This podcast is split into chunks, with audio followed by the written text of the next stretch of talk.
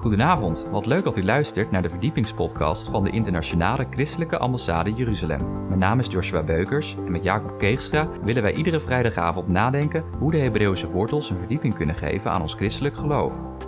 In deze eerste aflevering van het nieuwe jaar gaan we het hebben over geestelijke vernieuwing. We wensen u veel luisterplezier.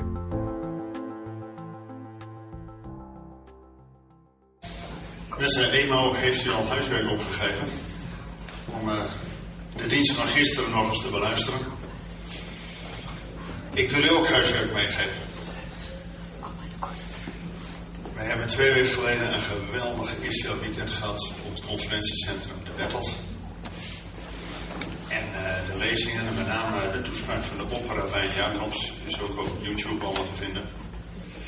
Uh, ook de proclamatiekaarten om te bidden voor Israël liggen bij de uitgang. Kunt u een meenemen. Als u daar ook uw e-mail even opschrijft, dan krijgt u ook uh, de berichten van welke YouTube-filmpjes u makkelijk kunt downloaden. En de link voor het komende Loofhuttenfeest.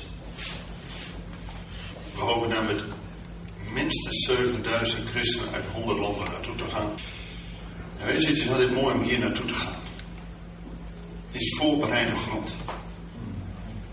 En als we zeker zo zingen, dan wordt de weg gebaand dat God ons zijn heil, zijn Yeshua laat zien. Nou, we hebben daarvoor ja, gezongen alle eer aan hem en we zijn gekomen om Jezus te verhogen.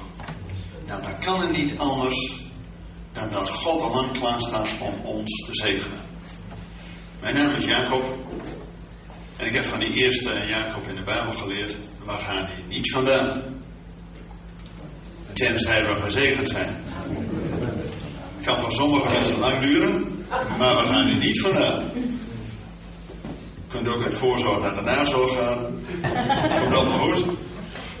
En er is ook nog enige toespuis na afloop, dus het komt helemaal goed. U hoeft niet direct weg, maar we gaan er niet vandaan voordat we gezegend zijn. En in het lied wat Eenhoop dus nog een keer extra liet zingen.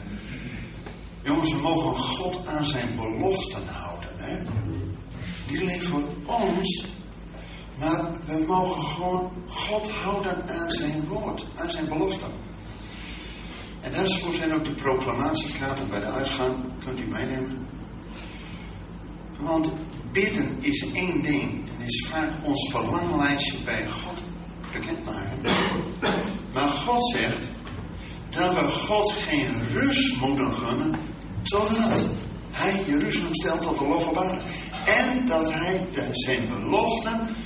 Kijk, als je nou ouders bent, dan hebben kinderen heel snel door bij wie ze moeten zijn. Hè? Dat hoef je ze niet te leren bij wie, bij papa, bij wie, bij mama, noem maar op. Maar zeker ook vaders als de kinderen zo lang zeg maar naar je hoofd gezeurd hebben. Je belooft het toch, hè? En je zegt maar, nee, ga naar het voetballen of ik ga een keer vissen of noem maar op, hè? En dan, als je op een onbewaakt moment dan toch zegt, oké, ik beloof het. Nou, die kinderen die houden je eraan, hè? Trek je net zo lang aan de broekspijp van, ja, papa, maar je hebt het beloofd. Dus ja, om zelf niet onderuit te gaan. Dat wil zeggen, je kunt alles vertellen, maar als je niet doet wat je zegt, jongens, forget it. En zo is ook onze hemelse Vader. God is een God waarin wij ons vertrouwen hebben. Ons geloof. Maar als God niet te vertrouwen is, hallo, waar heeft het dan van nut? Maar omdat wij God kunnen houden aan zijn beloften en hij zijn beloften ook nog doet, daarom is hij te vertrouwen. 80% van de Bijbel is al vervuld. Dat is de reden waarom we hier gemeente kunnen zijn. Op basis van geloof. En die laatste 20% heeft alles met de eindtijd en met de wederkomst te maken. En de Bijbel zegt dat wij alle zegen via Israël ontvangen hebben. Gods woord, Gods zoon en Gods geest. Romeinen 15. En dat we door het geloof in Jezus niet vreemdelingen en bijwoners meer zijn. Germanen en uh, zoals uh, Ellen en Bramma die elkaar uh, hè, met de hunebedden te lijf hebben. Nee, we zijn eruit gehaald. En we zijn mede huisgenoot, mede burger, zelfs mede erfgenaam. En bij Jezus is die scheidsmuur tussen Jood en niet-Jood weggegaan. En door het geloof in Jezus worden wij zelfs kinderen van Abraham genoemd. Nou, God had heel veel beloften al aan Abraham en aan zijn volk. En alles over Israël is opgeschreven ons tot voorbeeld. Nou, weet u, Israël is nu in een aantal bijzondere dagen. Ze hebben afgelopen maandag Joods nieuwjaar gevierd. Rosh Hashanah, feest der bezuinen. Misschien hebt u ook uh, appel en honing gekregen voor een zoet en aangenaam nieuwjaar. Nou kennen wij als Nederlanders natuurlijk 1 januari als nieuwjaar. Maar ook in het gemeenteleven en op school en alles, in september staat alles weer. Dus ook nu is ook een goed moment van nieuw begin. Nou, in de Bijbel, God heeft dat al lang bedacht, dat na de lange zomer er in het begin van de herfst september een nieuw begin is. En dat is vanaf Joods nieuwjaar tot Yom Kippur. Dat is komende woensdag. Zijn tien dagen van inkeer. En waarom nou direct aan het begin van een nieuw seizoen eerst tien dagen van inkeer? Zodat je je bewust bent wie je bent en wie je wilt zijn. Ga je gewoon door op de automatische piloot van het vorige seizoen. Ach, we hobbelen gewoon een nieuw seizoen in. Of is er een moment van inkeer dat je dingen wilt afleggen en je uitstrekken naar wat God nieuw in jouw leven mag doen? En als we God willen houden aan zijn beloften, dan komt hier niemand onveranderd uit de samenkomst. Amen of amen. Ik geef u gewoon geen keuze. Want Gods geest wil gewoon krachtig werken, ook vandaag. Het thema is over inkeer. En dat is helemaal niet zwaar. Want Israël heeft deze tien dagen, en daar kunnen wij een hoop van leren, als voorbereiding van Yom Kippur, grote verzoendag. Mensen, dat is in Israël de meest heilige dag in het jaar. En ik wil u twee gedeeltes lezen die ook Israël dit weekend leest. En dat is aan het begin, als eerste, Deuteronomium 31. Want u weet misschien dat in Israël iedere week wordt er een portie van de Torah gelezen. Iedere dag één hoofdstuk. Doe je gewoon thuis. En als je dan op Shabbat of het weekend samenkomt,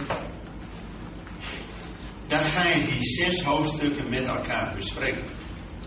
Wat heeft God jou geleerd in hoofdstuk 1? Waar heeft God jou bij bepaald bij hoofdstuk 2? En dan staat ook in het Nieuwe Testament wanneer gij samenkomt. Mag één wat zeggen en de rest moet zich stilhouden. Dat staat er niet. Dat is Grieks denken. Het is opstelling van een Grieks theater. Hé, het podium, daar gebeurt van alles, de rest moet stil. Jongen, dat is helemaal fout. De Bijbel zegt, wanneer gij samenkomt, heeft een ieder iets. En zeker als je al een week thuis in die zin aan het voorbereiden bent met die zes hoofdstukken, dan kom je in de gemeente samen om het te delen, zodat het gaat beklijven. Want vaak is het zo, je komt in de gemeente, je hebt geen idee wat die volgende het over gaat hebben. En als je nou gewoon iedere week de volgende lezing heeft, dan kun je thuis voorbereiden. Nou, Israël doet dat. Dus ze zijn nu bijna aan het eind van de Torah. Na goede uh, Yom Kippur is het grote Loofhuttenfeest. En het eind van het Loofhuttenfeest heet Vreugde der Wet. Dan wordt de wet, de Torah, geëindigd met een zegen. Want als iedereen die 7000, dan weet ik hoeveel mensen uit Israël, naar Jeruzalem komen, een week feest hebben voor het aangezicht van de Almachtige. En dan op het eind weer naar huis gaan met de zegen van de Heer. dan eindigt de Torah met de zegen en begint weer direct vanaf het begin met Genesis 1. En dan is het eerste wat God zegt, er zij duisternis. Nou ja, je bent zo stil. Er zij licht. En weet u, Jezus Christus stond ook precies op dat moment bij de tempel. En hij zegt, wanneer dat eerste woord uit de Bijbel weer klinkt, zegt hij, ik ben. Hallo, je mag niet zomaar zeggen, ik ben. Dat is alleen God zegt, ik ben die ik ben. Maar als je één bent met de Vader, zegt Jezus in naam van de Vader, ik ben het licht der wereld. Genesis 1. Die door de Messias vernieuwd wordt. Zodat je weer gezegend en met licht. Jongens, Gods woord is een lamp voor onze voet. Zodat je de volgende stap weet. Maar is ook een licht op ons pad. Zodat je visie hebt. En hoop voor de toekomst. God baant ons die weg. En als je vanuit God en vanuit onze Messias, Jezus Christus, de bevestiging krijgt. Ik ben het licht der wereld. Nou, gaat alleen maar goed gaan. Tof. Ja toch? Maar is over twee weken. Nu hebben ze die dagen van inkeer. En het was zo goed dat we ook zongen over het kruis. Want Israël kent twee momenten. Vlak voor Pasen, wat wij noemen Goede Vrijdag, het offer van onze Heer. Amen of amen. Zodat onze zonden weg zijn. Ja dat? Mooiste moment. Dan kun je ook Pesach vieren. Anders niet. Als het niet goed is tussen jou en God, hoe kun je dan feest vieren voor het aangezicht van God? Dus het moet eerst goed worden. Nou, daar is wat wij noemen Goede Vrijdag. In de Bijbel 14e Nissan. Oké. Maar Israël heeft nog een tweede moment. En dat is vlak voor het allergrootste feest, het loofhuttenfeest, wat dag en nacht gevierd wordt, waarin de inzameling van de vruchten van het hele jaar zijn. Met Pasen is alleen gerst en tafel, brood, koren, brood voor onderweg om het vol te houden. Maar het loofhuttenfeest is de inzameling van al die andere vruchten. Dus groot feest. Maar voordat dat grote feest er is, is er één dag. En het is niet om je zonden die je bewust bent voor God te beleiden. En door het bloed van het lam reiniging, heiliging te krijgen. Maar er is één dag grote verzoendag voor al die onbewuste zonden. En al die gevolgen van de zonde. Dat noemt de Bijbel ongerechtigheid. Wij horen dat vaak op één hoop. Maar de Bijbel maakt een onderscheid tussen zonden en ongerechtigheid. Zonden is wat je je bewust bent. Daar moet je geen jaar mee rondlopen. Dan moet je gewoon beleiden voor de Heer. Maar je zijn ook van die dingen. Ach, ja, je bent je te vaak niet zo van bewust. Maar het heeft wel effect. Dat jij je naaste wat slecht behandeld hebt. Dat die naaste die denkt. Oeh, emo. Ja, dat Even niet meer. Even, even, even. Ze, ze roepen wel aan, maar even voorzichtig, je wel. Want je kunt nooit weten met die mensen. Want hij heeft dat bij haar gedaan en dat. Ook al is het niet eens. Nou, dan is er één dag bij God die al die ongerechtigheden wegdoet, zodat je samen met je naaste feest viert voor het aangezicht van de Heer. En daartoe is die tien dagen van inkeer tussen Joost en Yom Kippur zodat je bewust bent, hé, wat is er allemaal gebeurd? Wil ik ook zo precies het oude jaar doorzetten, het nieuwe jaar in? Of wil ik ook schoon schip maken? Ook al die dingen die ik me nog niet eens zo bewust ben. Maar als je tien dagen ervoor open staat, dat de Heilige Geest de schuilhoeken van je hart mag doorgronden. En dan komt er vast wel wat boven. En dat je daar opruimt, zodat het werkelijk een feest voor de Almachtige wordt. En dan gaan we een stuk lezen. Want het gedeelte wat gelezen wordt, heeft daarmee te maken. Met iets nieuws. En dat is Deuteronomium 31, daar staat dat Jozua volgt Mozes op. Moet je nagaan. Mozes was de leider van het volk. Hij is niet alleen uit Egypte geleid van al die tien plagen, die afgoden van Egypte, bakzeil moesten halen, door de Schelzee heen. 40 jaar lang was Mozes de grote leider, maar die kon hun tot het beloofde land brengen. En dan moet er een nieuwe leider, een Josia, een Yeshua zijn, die hun het land inbrengt. Vernieuwing. Ons gaan alleen maar 40 jaar, 40 jaar is ook uh, periode. Ja, alleen maar rondjes en lopen in de woestijn. En je bent hartstikke, hartstikke actief, maar je komt geen centimeter vooruit. Jongens, wij ook als gelovigen, wij kunnen hartstikke actief zijn, hè. Lijkt wel eens een druk, druk, ja. Oh ja, iedereen heeft het druk, hè.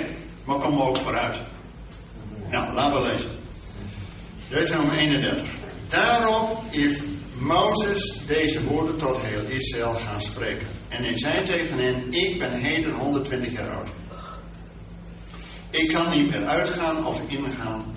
Bovendien heeft de Heer tot mij gezegd, u zult deze Jordaan niet oversteken.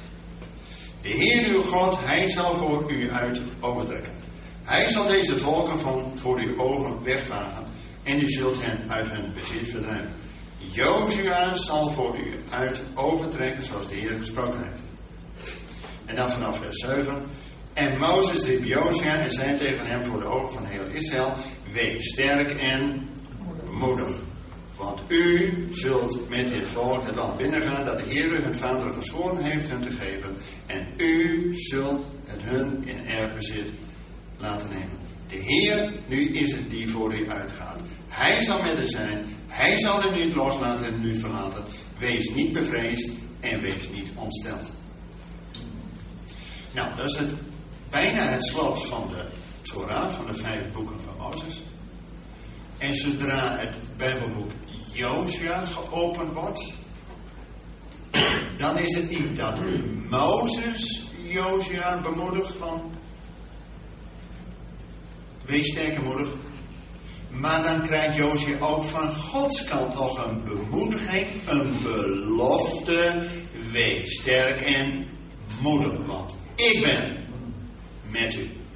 Mozes kon zeggen, wees sterk en moedig, de Heer zal met u zijn. Maar soms als nieuwe leider heb je ook een bevestiging van God zelf nodig. En God bemoedigt hem met, wees sterk en moedig, want ik ben met u. Joshua, in het Bijbelboek Joshua. Joshua betekent God red. Zelfs als Yeshua en Jesaja. Maar Joshua heette eerst Hosea. Maar als hij in de bediening geplaatst wordt, dan wordt hij Jehoshua. Joshua genoemd. God red. En hij wordt genoemd Josia, de zoon van Nun. Misschien heb. Wat betekent nou Nun? Ja, zijn vader natuurlijk. Anders is hij niet zoon van Nun. Maar Nun betekent de vijftigste. En vijftig met Hebreeuwse oren betekent jubeljaar. En dat de slaven nieuw grond onder de voeten krijgen. Hé, hey, de Josia is degene die dus die slaven uit Egypte, ook al waren ze 40 jaar onderweg, hartstikke druk, maar ze kwamen geen centimeter vooruit.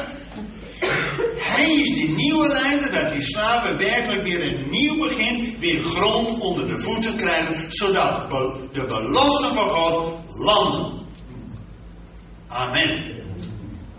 Want God had aan Abraham al beloofd een volk en een land.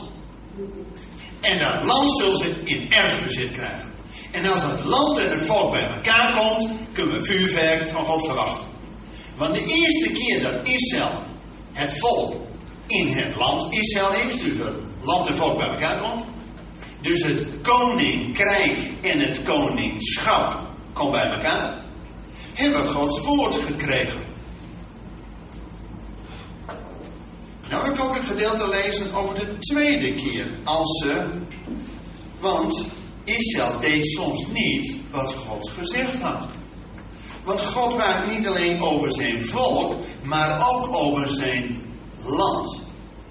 En hij had gewoon gezegd, iedere zeven jaar moet je jaar een sabbatjaar hebben, zodat het land zijn rust kon krijgen. Maar Israël had het nooit gedaan. Dus God zegt, jongens, dan parkeer ik jullie even daarnaast. 70 jaar in Babel. Zodat het land zijn rust krijgt. En de tweede keer, de belofte van God, dat ze na 70 jaar terug mogen komen. En dan komt er weer iemand. En dat wil ik met u lezen, dat staat in Zachariah 3. In Zachariah 3, dat is dus na de ballingschap, dan komen ze terug in het land. En dan moet u eens lezen. Ik lees dat hele hoofdstuk, hoofdstuk 3. Want een preek is aardig, maar we kunnen beter Gods woord lezen. Maar dat heeft kracht, niet de preek. Zachariah 3. Daarna liet hij mij de hoge priester Josia zien. Die voor het aangezicht van de engel van de Heer stond. Terwijl de Satan aan zijn rechterhand stond om hem aan te klagen. Zo. En de Heer zei echter tegen de Satan: De Heere bestraffen u, Satan. De Heere die Jeruzalem uitkiest, zal u bestraffen. Is deze Josia niet een stuk brandhout dat uit het vuur ontrukt is? Nu was Josia in vuile kleren bekleed, terwijl hij voor het aangezicht van de engel stond. Toen nam hij het woord en zei tegen hen die voor zijn aangezicht stonden: Trek hem de vuile kleren uit. Daarop zei hij tegen hem: Zie, ik heb uw ongerechtigheid van u weggenomen en zal u feestkleren aantrekken.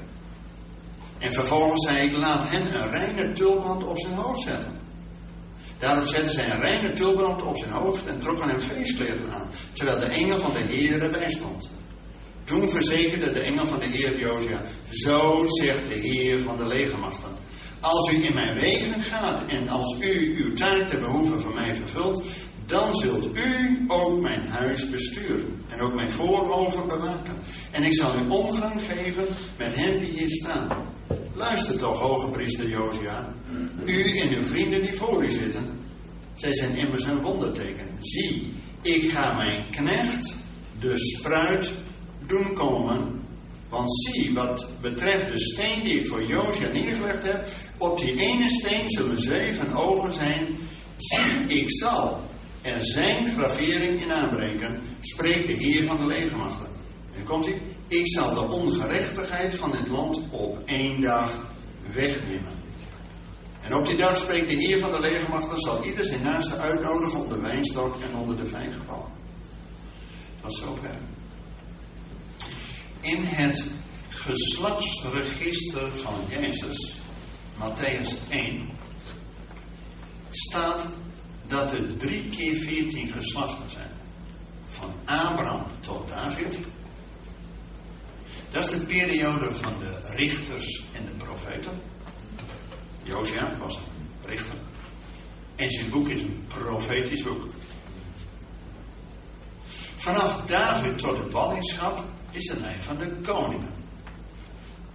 Maar na de ballingschap, van de ballingschap tot aan Jezus toe, is de tijd van de priesters, van de hoge priesters. Nou Jezus in zijn DNA, in zijn hele geslachtslijn, zowel die profetische als de koninklijke als de priesterlijke lijn. We hadden het net over Josia, die eerste leider, die uit de woestijn hen het beloofde land inbrengt. Nu, na de ballingschap zien we dat de hoge priester Jozua, dat hij ook al die ongerechtigheden van Israël mag wegdoen. Op die ene dag, grote zondag. En dan zal ieder onder de vijgenboom het lovende feest vieren. En wat zegt dit nou voor ons? Kijk, in het Nieuwe Testament staat er iets heel uitdrukkelijks. 2 Korinthe 5. 2 Korinthe 5.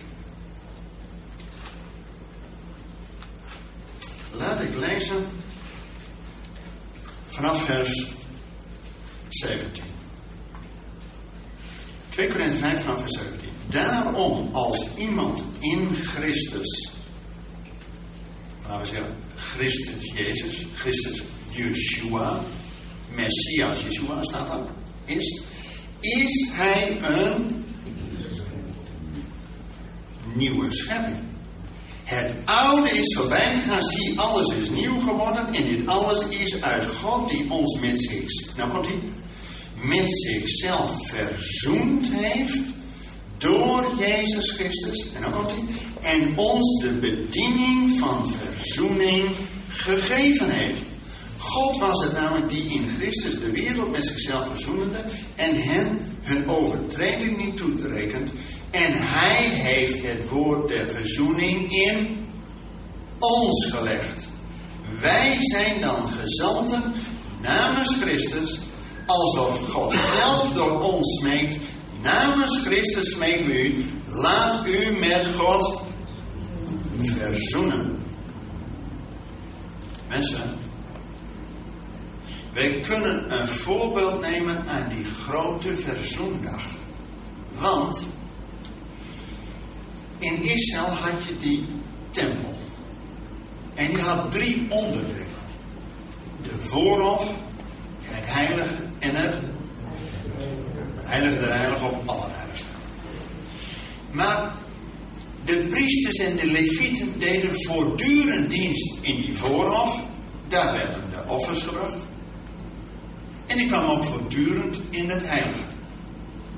Maar de hoge priester mocht maar één keer per jaar in het allerheiligste komen.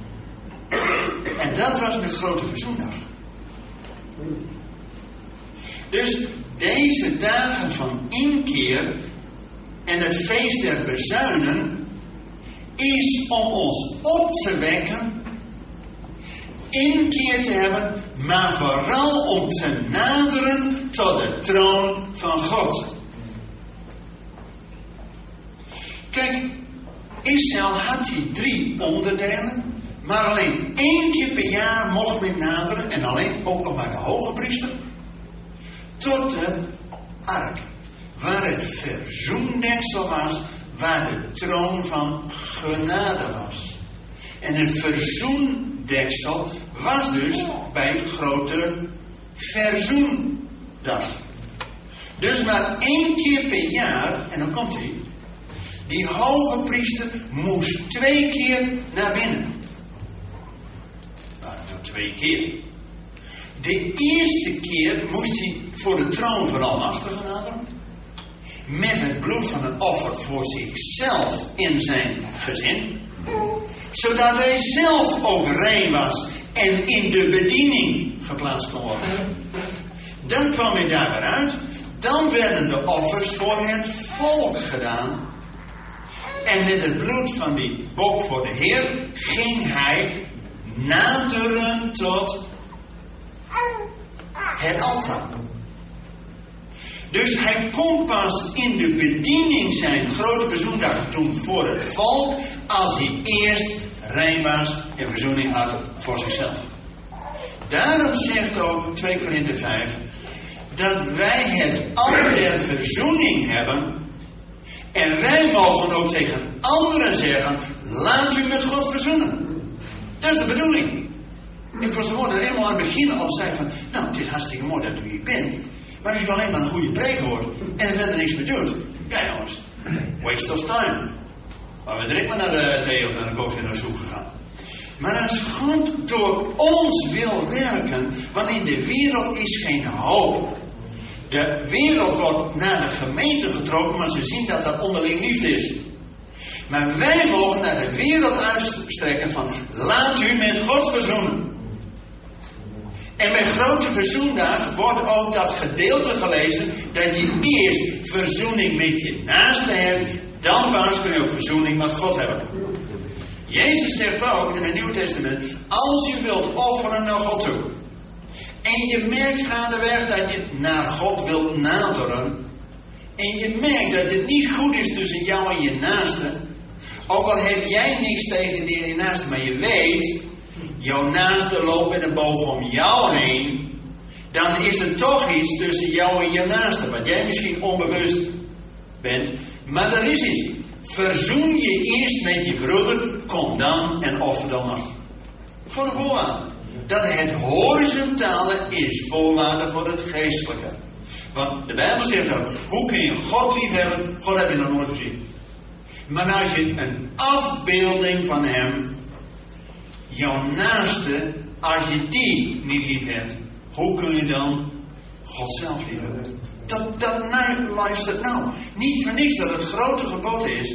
Heb je naaste lief als jezelf, want ik ben Heer. Ja. Alleen, nou komt hij. Dat naderen tot God heeft een aantal stappen. Wij willen vaak in één keer huppatee, grote sprongen snel thuis. Nou, wacht even. Het hele model van het tabernakel en de tempel, zegt de Bijbel, is tot ons voorbeeld. De eredienst hebben we, we hebben niet alleen de geboden en Jezus en de beloften van Israël gekregen, maar we hebben ook de eredienst van hen gekregen. Al die 150 psalmen hebben we ook van hen. Maar de eredienst is dus een model wat God geeft. Want Mozes moest die tabernakel maken naar het oorspronkelijke model wat God hem in de hemel liet zien. Dus alles wat wij hier op aarde hebben is een afbeelding van het hemelse origineel. Maar die tabernakel of tempel had drie onderdelen. En die voorhof, daar werd het offer gedaan. Als wij geloven dat Jezus voor ons het offer heeft volbracht, dan kunnen we dat voorbij. Dat is een voorhof. Niet voor niks dat Jezus openlijk aan het kruis hing. Dat was niet in een achterafkamertje. Of in een grotje. Of het, nee, want openlijk heeft hij de machten te dood gesteld en zo overheen gezegevierd. Dat is. Maar nou komt hij. In die voorhof stonden twee dingen. Brandofferaltaar, maar ook de koperen zee. Groot wasbak. Waar is dat nou voor nodig? Nou, als die, priesters, als die dienstdeden bij de tempel, hadden, ze, hadden die zich echt wel gereinigd. Anders mocht je niet doen voor God. Maar als je dan die offers deed, dat is gewoon een bloederig gebeuren. Dus dan moest je, voordat je de tempel inging, vanuit je voorhoofd het heiligdom heen, moest je je handen en je voeten wassen. Dat is ook wat de Bijbel zegt. Wordt dagelijks vervuld met heiligheid. En dagelijks al die ongerechtigheid die ons aan de wereld vasthouden. Ja, tenzij dat hij zo heilig leeft dat hij omhoog blijft. Dat hij niks met de wereld te maken heeft. Ja, nee, dan heb je dat natuurlijk niet nodig. Maar zo is uh, wij, die gewoon ook in het uh, dagelijks leven staan. Jongens, je krijgt alle dagen de besmeuring van de wereld. Daar moet je dagelijks reiniging voor doen. De basic is schoon omdat we het bloed van het lam ons. Maar dagelijks moet je weer vergeving voor vragen. En dan maak je het heiligdom. En die priesters die dan dat heiligdom ingingen, daar waren ook twee om, ja, drie elementen. Maar het belangrijkste was die grote menorah. Die zevenarmige kandelaar is een beeld van de Heilige Geest. Moet eens nagaan. Voorhof is het beeld van het offer van Jezus. Het heiligdom, menorah, is beeld van de geest. En wat zegt Efeze 2, vers 18? Misschien goed om gewoon te lezen voor de want hè, laten we op basis van wat Gods woord zegt dit doen. Want dit is een heel belangrijk onderdeel. Efeze 2, vers 18. Wat staat daar?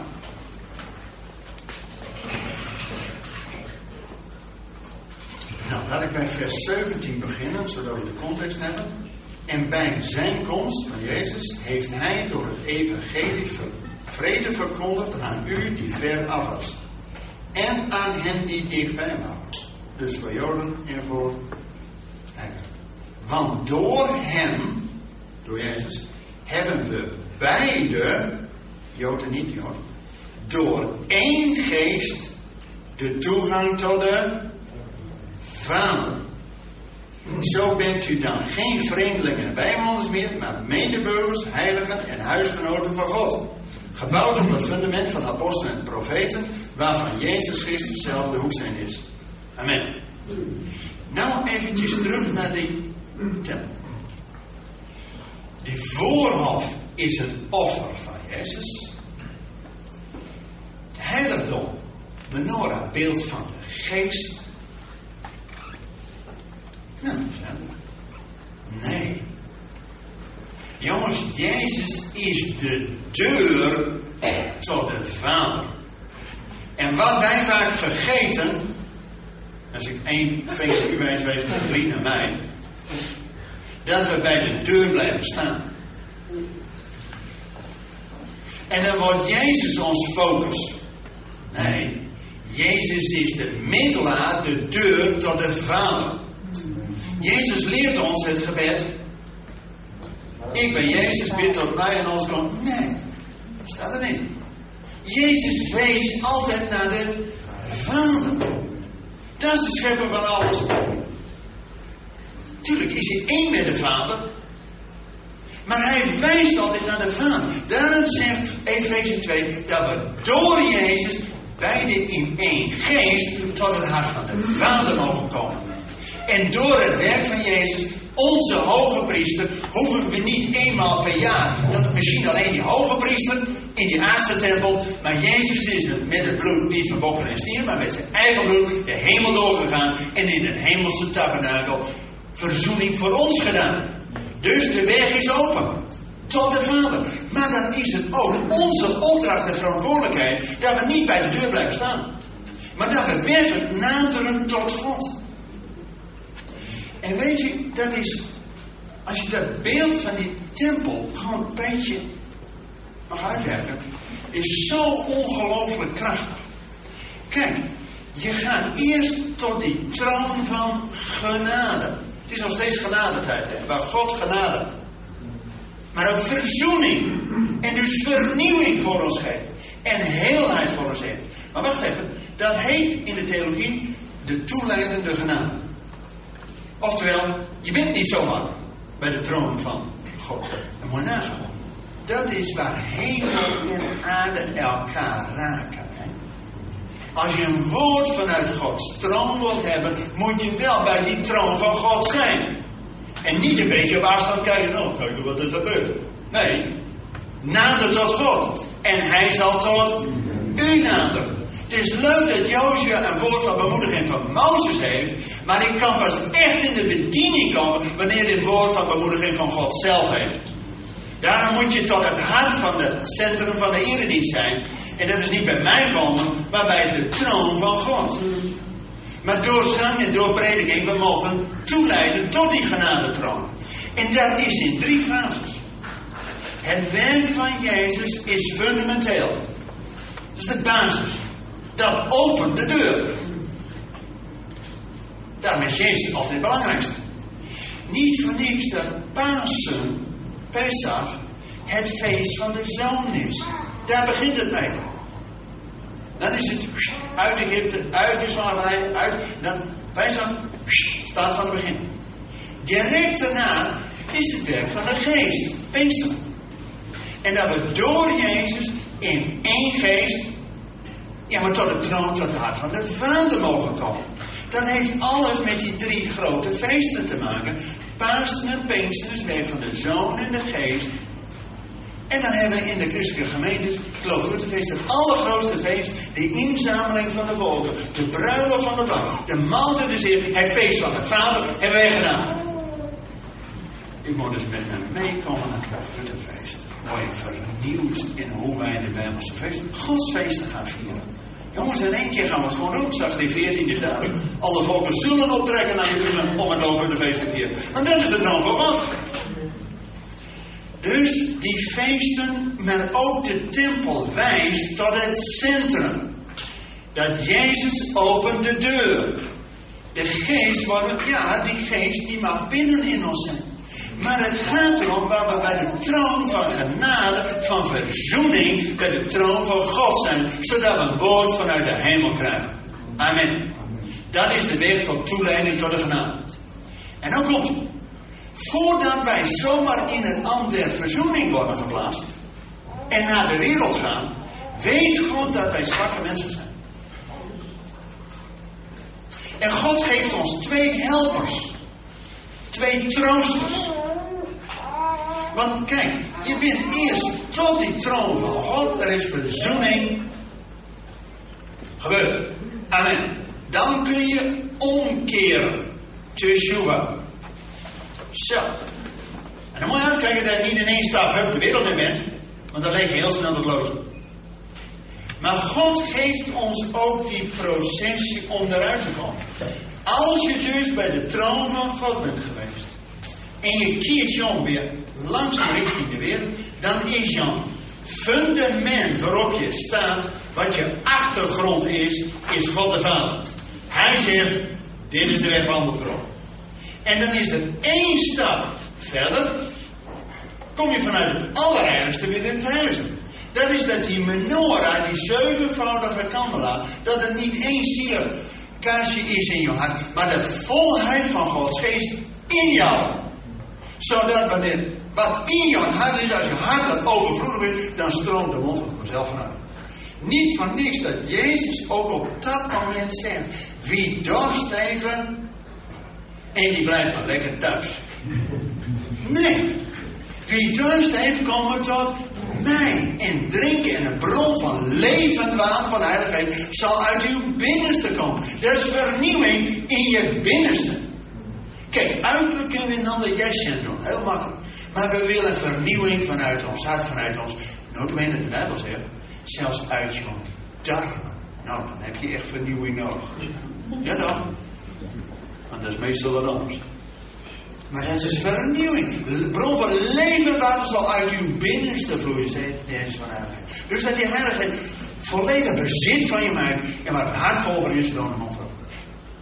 Dat is de eerste trooster die in je woont. Maar de Heilige Geest was vroeger de tijd van Israël nog buiten ons.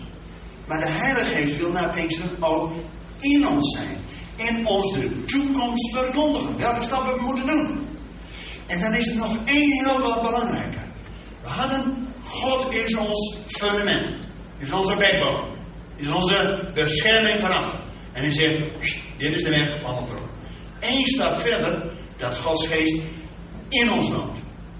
En dan die laatste stap, dan bent hij het maar in die voorhoofd, dat je bekleed wordt met Christus. Dat je de wapenrusting van God aandoet. Om beschermd te zijn voordat je zomaar onbeschermd de wereld in gaat. En u weet, die wapenrusting, die kent u allemaal, hè? Bekleed met het. Schoeten, schoenen van de bereidheid van het. En dan het schild van, helm van. En dan is er maar, dat is allemaal verdediging aan de voorkant. Maar God is jouw beschermer aan je achterkant. En dan is er maar één aanvalswapen. Maar één. En dan komt die twee helpers, die twee parakleten, die twee troosten bij elkaar. Het enige aanvalswapen is het woord van God is het zwaard van de geest. Nou, wie is het woord van God? Het levende woord van God is het zwaard van de geest is door Gods geest. Dus je hoeft het niet zelf te doen, jongens. Want direct na Zacharia 3 staat je Zacharia 4. Niet door kracht of geweld, maar door mijn geest. Zeg God, hè? Dat zeg ik niet. Of dat engel je dat leuk bemoedigt. Dat is allemaal hartstikke mooi. Maar het is God zelf die zegt: weet niet door eigen kracht of geweld. Je mag rusten in wat Hij jou aanreikt. Maar zijn geest gaat voor ons aan. Dus wij hoeven alleen maar te getuigen. En de Heilige Geest gaat overtuigen. En als we zo in de bediening zijn, door eerst verzoening met onszelf te hebben, dan mogen we de wereld ingaan met het ambt der verzoening. Laat dat we tegen de wereld zeggen, laat u met God verzoenen. Dus je wilt niks liever dat die ander ook nadert tot de troon van God. En dat lukt alleen door verzoening heen. En maar wanneer wij dat voorleven en wij daar niet moeilijk over doen, dat we zeggen, oh, oh, dat allemaal niet. Nee, als het gewoon onderdeel van ons leven is, dat we dat gewoon doen. En dan iedere keer als wij iets zouden doen, dat we ook vergeving vragen. Dan pas zijn we een open brief naar de rest. Want de wereld kijkt naar ons niet alleen in goede dagen, hè, maar ook hoe we omgaan als we met teleurstelling. En eenmaal zijn het begin, soms wens ik mensen toe dat ze door lijnen heen gaan, want door moeite, ja, dan is daar niet zelf kunt. Dan heb je God nodig. Mensen, God geeft ons een krachtig metafoorbeeld vanuit God zelf. Dat we die hele tempel, de eredienst, zit die drie onderdelen. Zit precies de onderdelen van Vader, Zoon en Geest in. Is ook met de feesten dat je nadert tot de troon van God. En dat heeft alles te maken met verzoening eerst voor mezelf. Dan kunnen wij als gemeente ook een verzoening zijn en een andere verzoening voor de wereld zijn. Daar hebben we wat te melden in de wereld. Mensen, zullen we daar eerst voor willen? Dan we gewoon over tijd. Israël is ook tien dagen geweest. Dat is niet eventjes tien minuten, is tien dagen geweest. En weet je, het mooie is, de Bijbel zegt, de Bijbel zegt, 1 Johannes 1 vers 9. Indien wij onze zonden beleiden, God is getrouw. Dus God is trouw aan zijn belofte. Om ons te reinigen van alle zonden en van al onze gerechtigheid. Die twee. Die hebben wij ook nodig. Zo is bidden dat God ook door zijn geest ons dat moment van inkeer geeft. Zodat we rein voor zijn aangezicht zijn en in de bediening van verzoening mogen staan. Mag ik u volgen in gebed? Bedankt voor het luisteren naar deze verdiepingspodcast van de ICEJ. Waardeert u onze podcast? Steun ons dan met een donatie, abonneer u of deel deze podcast met uw vrienden of familie. Ga naar www.icej.nl. Volgende week gaan wij het hebben over de vrede voor Jeruzalem. Hartelijk bedankt voor het luisteren en tot volgende week.